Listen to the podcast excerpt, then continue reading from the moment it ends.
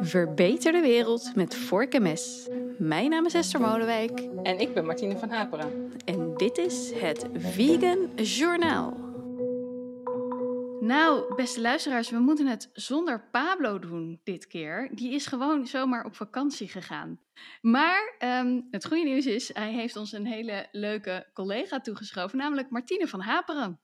Hi, goedemorgen. Hey, dag Martine. J- jij bent, wat was het, expert voeding en gezondheid hè, bij ProVeg. Klopt, ja. Ja, ik eh, doe zowel de, de gezondheidsinformatie voor de Veggie Challenge, als dat ik eh, ja, bedrijven advies geef over hoe zij hun eh, assortiment meer plantaardig kunnen maken. Ah, en heb ik nou begrepen dat jij eigenlijk ook wel een expert bent op de vegan kazen?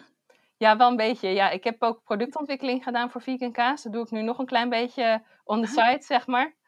En eh, ja, ik vind dat gewoon een heel, heel leuk onderwerp. Ik hou enorm van kaas. Eh, en ik vind het ook heel leuk om mensen te leren hoe ze dat zelf thuis kunnen maken. Dus daar heb ik ook vroeger wel workshops in gegeven Ah. en zo. Ah, doe je dat zelf ook? Maak jij je eigen kaas Ja. thuis? Ja, nou ja, sowieso als je Ja. productontwikkeling doet, dan, dan maak je zelf kaas, zeg maar. Ja. Maar dat, dat, ja, het zit altijd een beetje op de grens van wat je, wat je heel makkelijk thuis kan doen en waar je eigenlijk een fabriek voor nodig hebt. Mhm. Maar eh, ja, op mijn website, ik heb zelf een, ook nog een website, vegetus.nl. Daar kun je ook recepten vinden waar je zelf eh, plantaardige kaas mee kan maken. Noem hem nog maar een keer, want ik verstond het niet goed. Hebben we dat gewoon even lekker erin gegooid?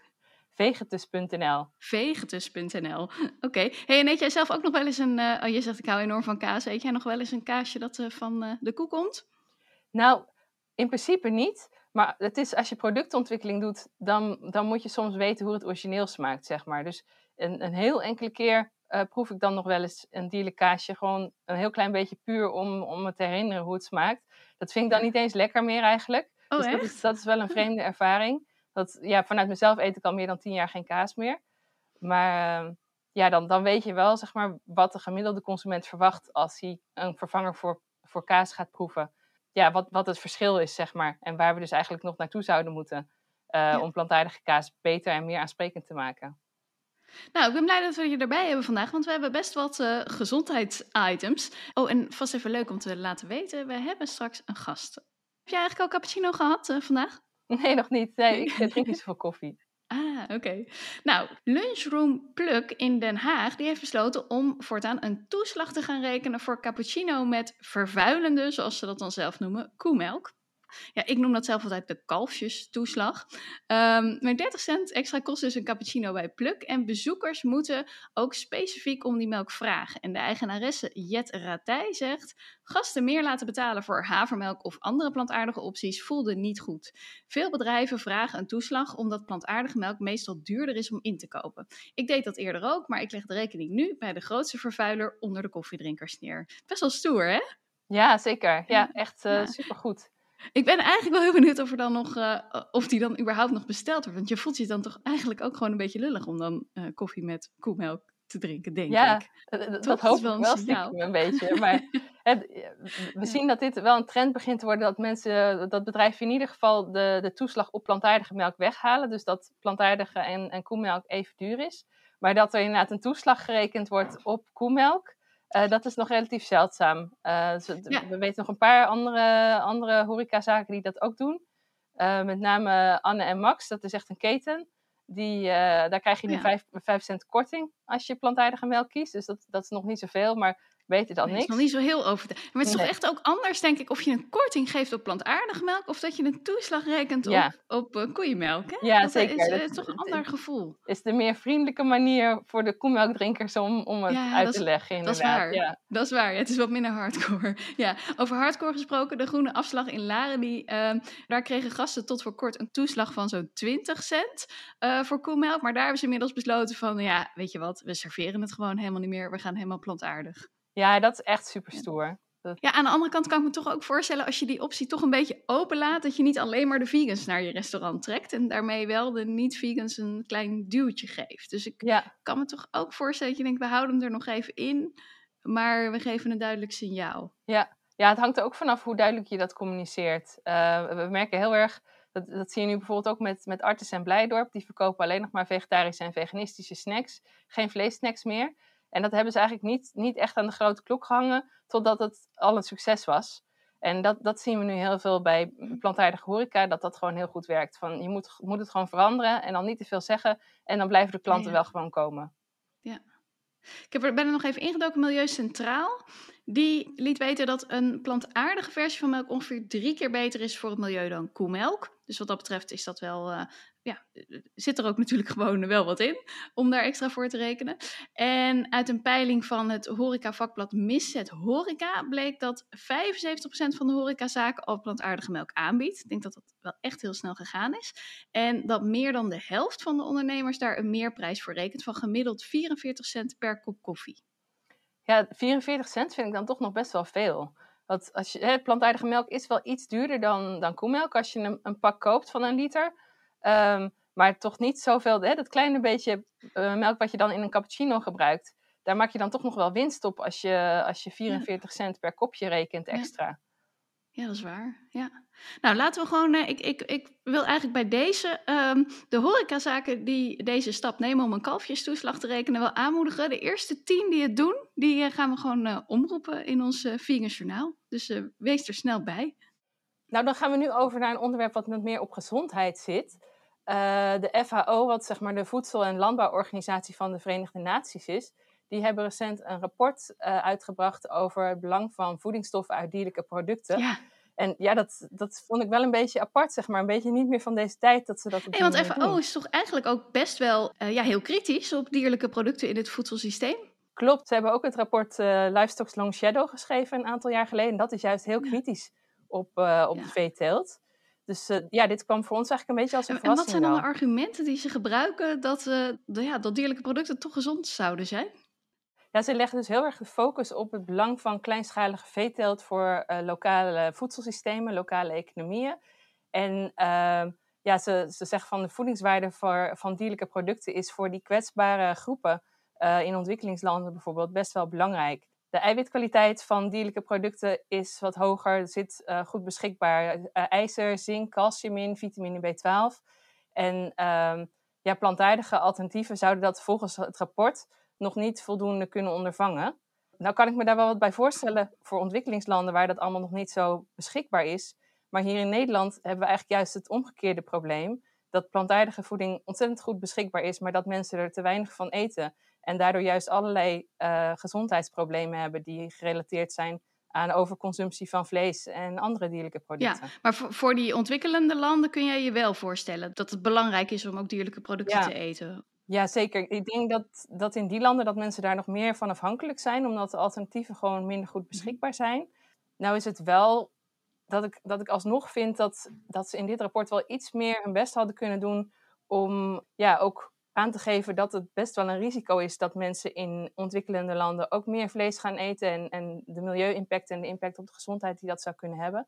En er hadden uit dit rapport ook aanbevelingen kunnen komen over hoe we die voedingstekorten op een plantaardige manier op hadden kunnen lossen. Door bijvoorbeeld meer producten te verrijken. Net zoals dat dit in Nederland eigenlijk ook gedaan is uh, na de Tweede Wereldoorlog. En uh, daarvoor ook door bijvoorbeeld jodium toe te voegen aan brood.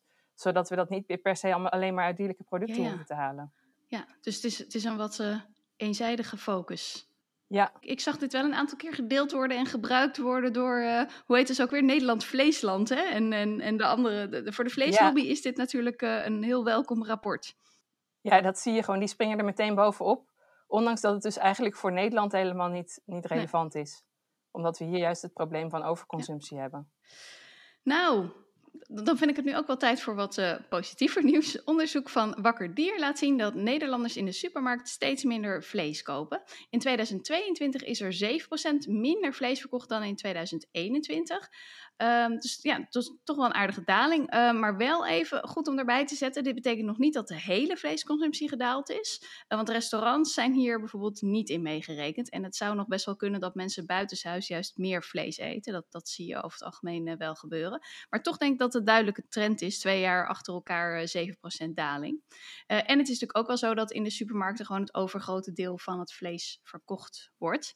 En ik ben wel benieuwd hoe we dit dan terug gaan zien in die totale vleesconsumptiecijfers. En die komen meestal zo in oktober, november uit, geloof ik, hè Martine? Ja, ja dat is uh, Hans Dagenvos die dat onderzoekt. Die kijkt gewoon in totaal hoeveel vlees er verkocht is in Nederland.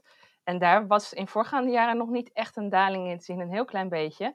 Dus dat kan inderdaad aan liggen dat het in restaurants nog veel verkocht wordt. Of misschien ook, ook buitenlandse mensen die, die dat wat meer eten, zeg maar. Dus dat, dat is altijd een gek iets van wat er uit verschillende rapportages komt en dat dat soms tegenstrijdig Ja, ja want deze zijn. rapportage gaat uit van uh, wat er bij de supermarkt is afgerekend. En Hans Dagenvos kijkt altijd naar het totaal aantal geslachte dieren, geloof ik, uh, in het jaar. Dan uh, doet Klopt, hij nog... Ja, ja, dat rekent hij dan om naar hoeveel vlees er aan die ja. dieren zit. Zo, ja, het zou niet mijn soort onderzoek zijn om te doen, maar wel heel, ja. heel fijn dat hij dat altijd Nou, doet. wie weet is dit ook een kleine voorbode voor wat we in, in het onderzoek van Hans Dagenvos in het najaar gaan zien. Nou ja, daaraan gerelateerd kunnen we het misschien ook even over de voedselconsumptiepeiling van het RIVM hebben. Uh, er is net een nieuwe uitgekomen uh, en daarin kijken ze wat mensen eten uh, in Nederland gemiddeld. En deze is van 2019 tot en met 2022. En daaruit bleek dat de verhouding van plantaardige en dierlijke eiwitten nu verschoven is. Eerder bij de, bij de vorige peiling was er nog 39% van de consumptie plantaardig. En nu is dat dus 43%. Ah. Dus ook in dit onderzoek zien we wel een verschuiving naar meer plantaardig. Um, ook hier kan je weer een kanttekening bij zetten dat het wel is wat, wat mensen zelf rapporteren over hun uh, voedingspatroon. Ah, ja. Ze interviewen hun deelnemers dan over wat die eten over twee periodes van 24 uur. En dan is het toch maar net wat iemand zich herinnert van wat hij gegeten heeft ja. In die periode. Ik snap het. Weer een andere manier van meten. Ja, met, met al deze onderzoeken bij elkaar denk ik wel dat, dat we toch een verandering en een, een, een, een kentering beginnen te zien, zeg maar, die er eerder niet was. Dus ik hoop heel erg dat dit door gaat zetten in de komende jaren. En er is dus nog meer goed nieuws. Uh, GFI, Good Food Institute, dat is ook zo'n organisatie die uh, plantaardige vervangers promoot. Die heeft daar net een rapport over uitgebracht. En daaruit bleek dat tussen 2020 en 2022, wat toch wel een, een moeilijke periode geweest is voor vleesvervangers en voor de mar markt in het algemeen, dat vleesvervangers eigenlijk toch wel gegroeid zijn. Niet zoveel, maar wel gegroeid. Terwijl um, dierlijk uh, vlees en ook zuivel juist gekrompen is. Dus dat, uh, ja, dat, dat zijn echt cijfers uit de supermarkt, gewoon wat er, wat er bij de kassa gescand wordt. En dat is dan Europa breed? En dat is Europa breed. Ja, dus uh, ja, dat is interessant. De Nederlandse markt is daarbij niet zo sterk gegroeid. Maar um, ja, wij waren eigenlijk al koploper op het gebied van het uh, aankopen van vleesvervangers en uh, ook plantaardige yoghurt uh, van heel Europa. Per capita wordt hier het meest uitgegeven aan, aan die productcategorieën. Dus um, ja, het is ook weer niet zo schrikwekkend dat dat hier dan even wat minder gegroeid is, omdat het hier al heel groot was eigenlijk. Oké, okay, maar de rest van Europa komt nu ook uh, mee. Zo kunnen we het eigenlijk zeggen. Ja, het is nog wel interessant om te zien dat sommige categorieën dan sneller groeien dan andere. De snelst groeiende categorie dit keer was plantaardige vis en zeevruchten. En dat is in totaal met ruim 300% gegroeid, waarvan 60% vorig jaar in uh, 2022. Ah. Dus dat, uh, ja, dat is een interessante nieuwe categorie. Vis is nog een beetje een onderwerp waar, waarvan mensen denken van... oh, dat is toch duurzaam om vis te eten. Maar je ziet dus dat, dat, dat Ah. bewustzijn misschien langzaam daar ook begint te komen. En dat in ieder geval de vervangers uh, steeds beter beschikbaar zijn. Waardoor dat toch uh, ook daar nu een beginnetje van een, van een verandering uh, ja. begint te komen. Ja, nog, nog even over dat mensen denken dat vis dan toch duurzaam is om te eten. Misschien aardig even om te noemen die uitzending van Keuringsdienst van Waarde. Heb je hem al gezien over sliptong deze week? Nee, nog niet. Nee. Nou, voor, vooral even kijken. Ik zou hem iedereen aanraden en dan nog eens nadenken over hoe duurzaam vis is. Ja, ga ik doen.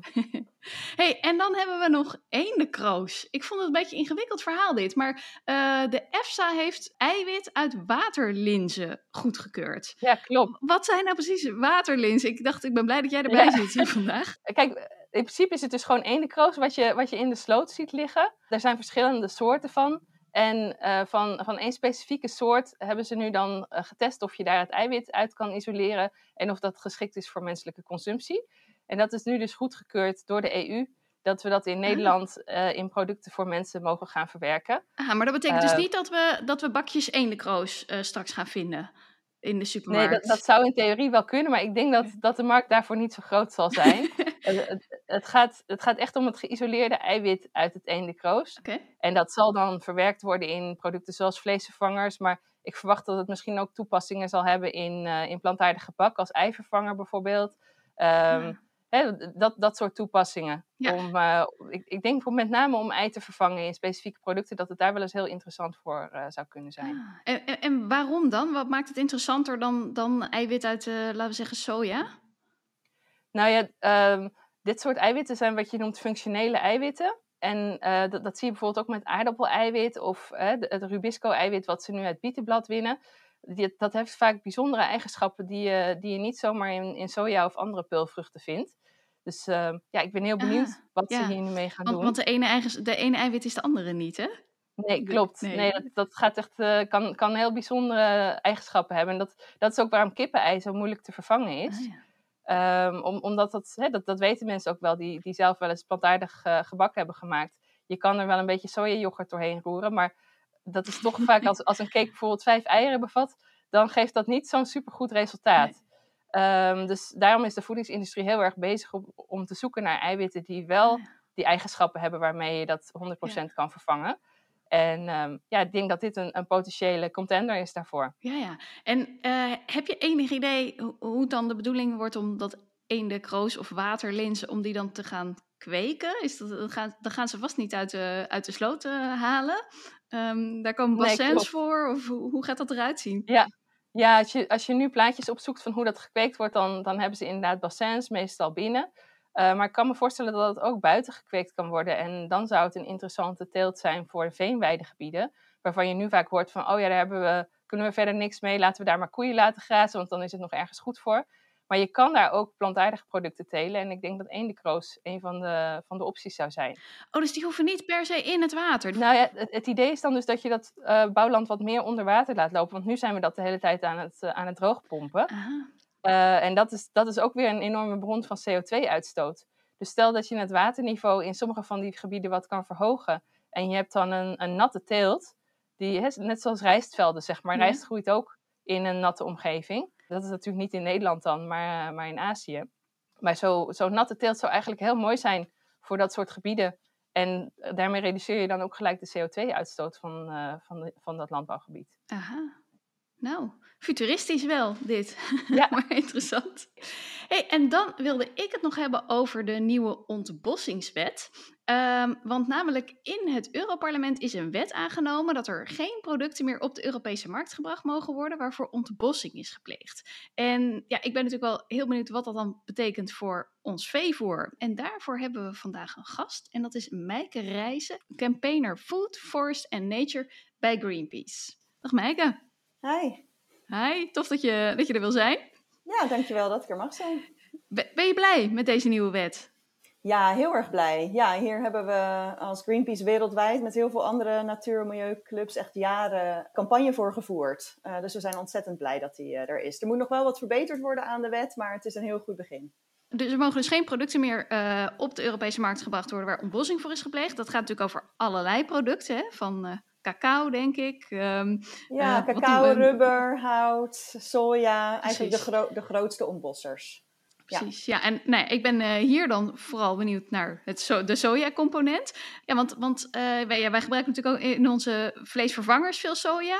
Maar dat komt geloof ik niet van die grond, hè?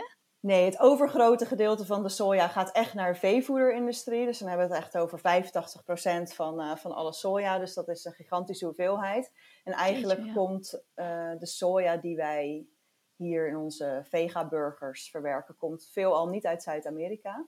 Maar dat is ook maar een heel klein, uh, heel klein percentage überhaupt van de soja die daarheen gaat. De hey, vegaburgers dus zijn dan... niet het probleem. nou, dat we dat nee. maar even gezegd hebben. Precies. Hey, maar wat gaat dat dan nou betekenen? Want ja, uh, ik, ik, had hier ook even van tevoren met Pablo over, voordat hij op vakantie ging. En dacht ja, wat betekent dat dan? Dat we gewoon straks geen soja meer kunnen importeren voor onze Nederlandse veedieren?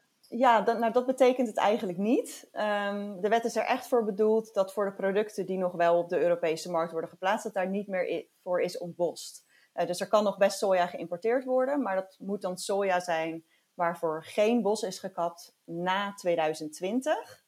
Um, Aha, Aha ja. dus het gaat echt over die 2020. Vanaf dan mag er niet meer ontbos. Voor alles wat daarvoor ontbos is, daar mag je nog rustig soja op blijven telen en naar Nederland blijven exporteren. Ja, precies. Dus de plantages ah. die er waren, um, die, uh, uh, ja, die blijven gewoon bestaan. En daar kan gewoon soja op, uh, op geteeld worden. En daarnaast nou, zijn er een aantal natuurgebieden in deze wet beschermd, waaronder de Amazone. Maar sommige andere natuurgebieden in Zuid-Amerika niet. En daar kan je dus nog wel soja blijven verbouwen, ook op grond wat dus net is ontbost.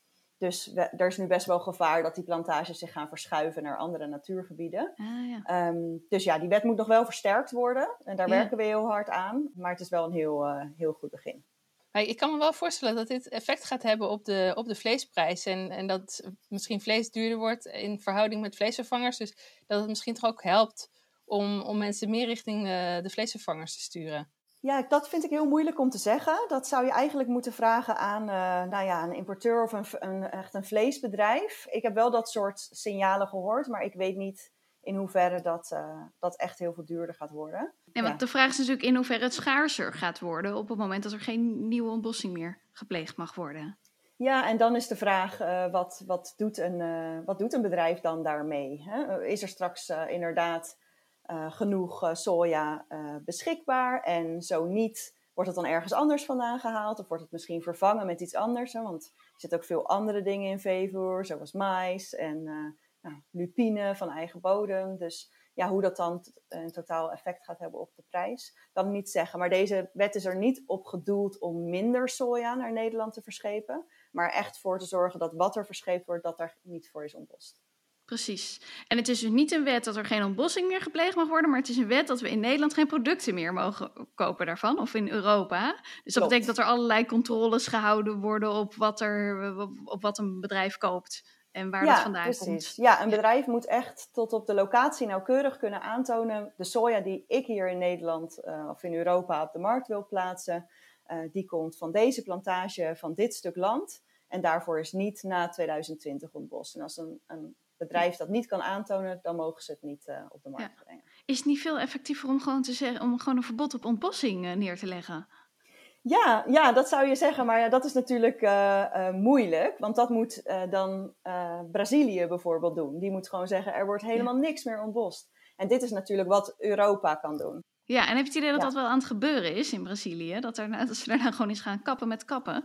Ja, ze zijn, ja, dat belooft de huidige president wel. Ze hadden hiervoor een president, Bolsonaro ja, die was eigenlijk helemaal geen fan van uh, natuurbescherming en uh, voor behoud van de Amazone bijvoorbeeld. Die wilde dat juist heel erg openbreken voor uh, nou ja, economische activiteiten, zoals ze dat dan noemen.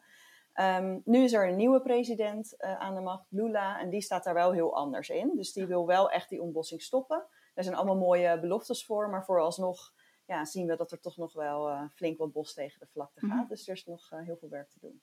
Ja, maar uh, toch een stukje de goede kant op. Ja, ja stap voor okay. stap uh, gaan we de goede kant op. Ja. ja. Nou, dan sluiten we hem daarmee af, denk ik. Of had jij nog een prangende vraag uh, hierover, Martine? Nee, niet zo. Nee, ik vind het wel een heel goede ontwikkeling. En um, ja, zo, zo moeten we toch met kleine stapjes de, de veehouderijsector steeds meer binden. En ja, zorgen dat, dat onze voedselvoorziening duurzamer wordt. Dus ook dit is weer een mooie bijdrage daaraan. Eens? Nou, dank Maaike voor, uh, voor je optreden hier. En, uh, ja, graag gedaan. Zeker ook uh, Martine. Leuk dat je erbij was dit keer. Ja, hartstikke leuk. Ja. Het, was een beetje een goed nieuwsshow, hè? Dat heeft Pablo maar mooi gemist. Ja, ja ik kan het terugluisteren. Precies, op, op zijn vakantieoord, waar dat ook is. Oké, okay, luisteraars tot over twee weken en jullie tot een volgende keer.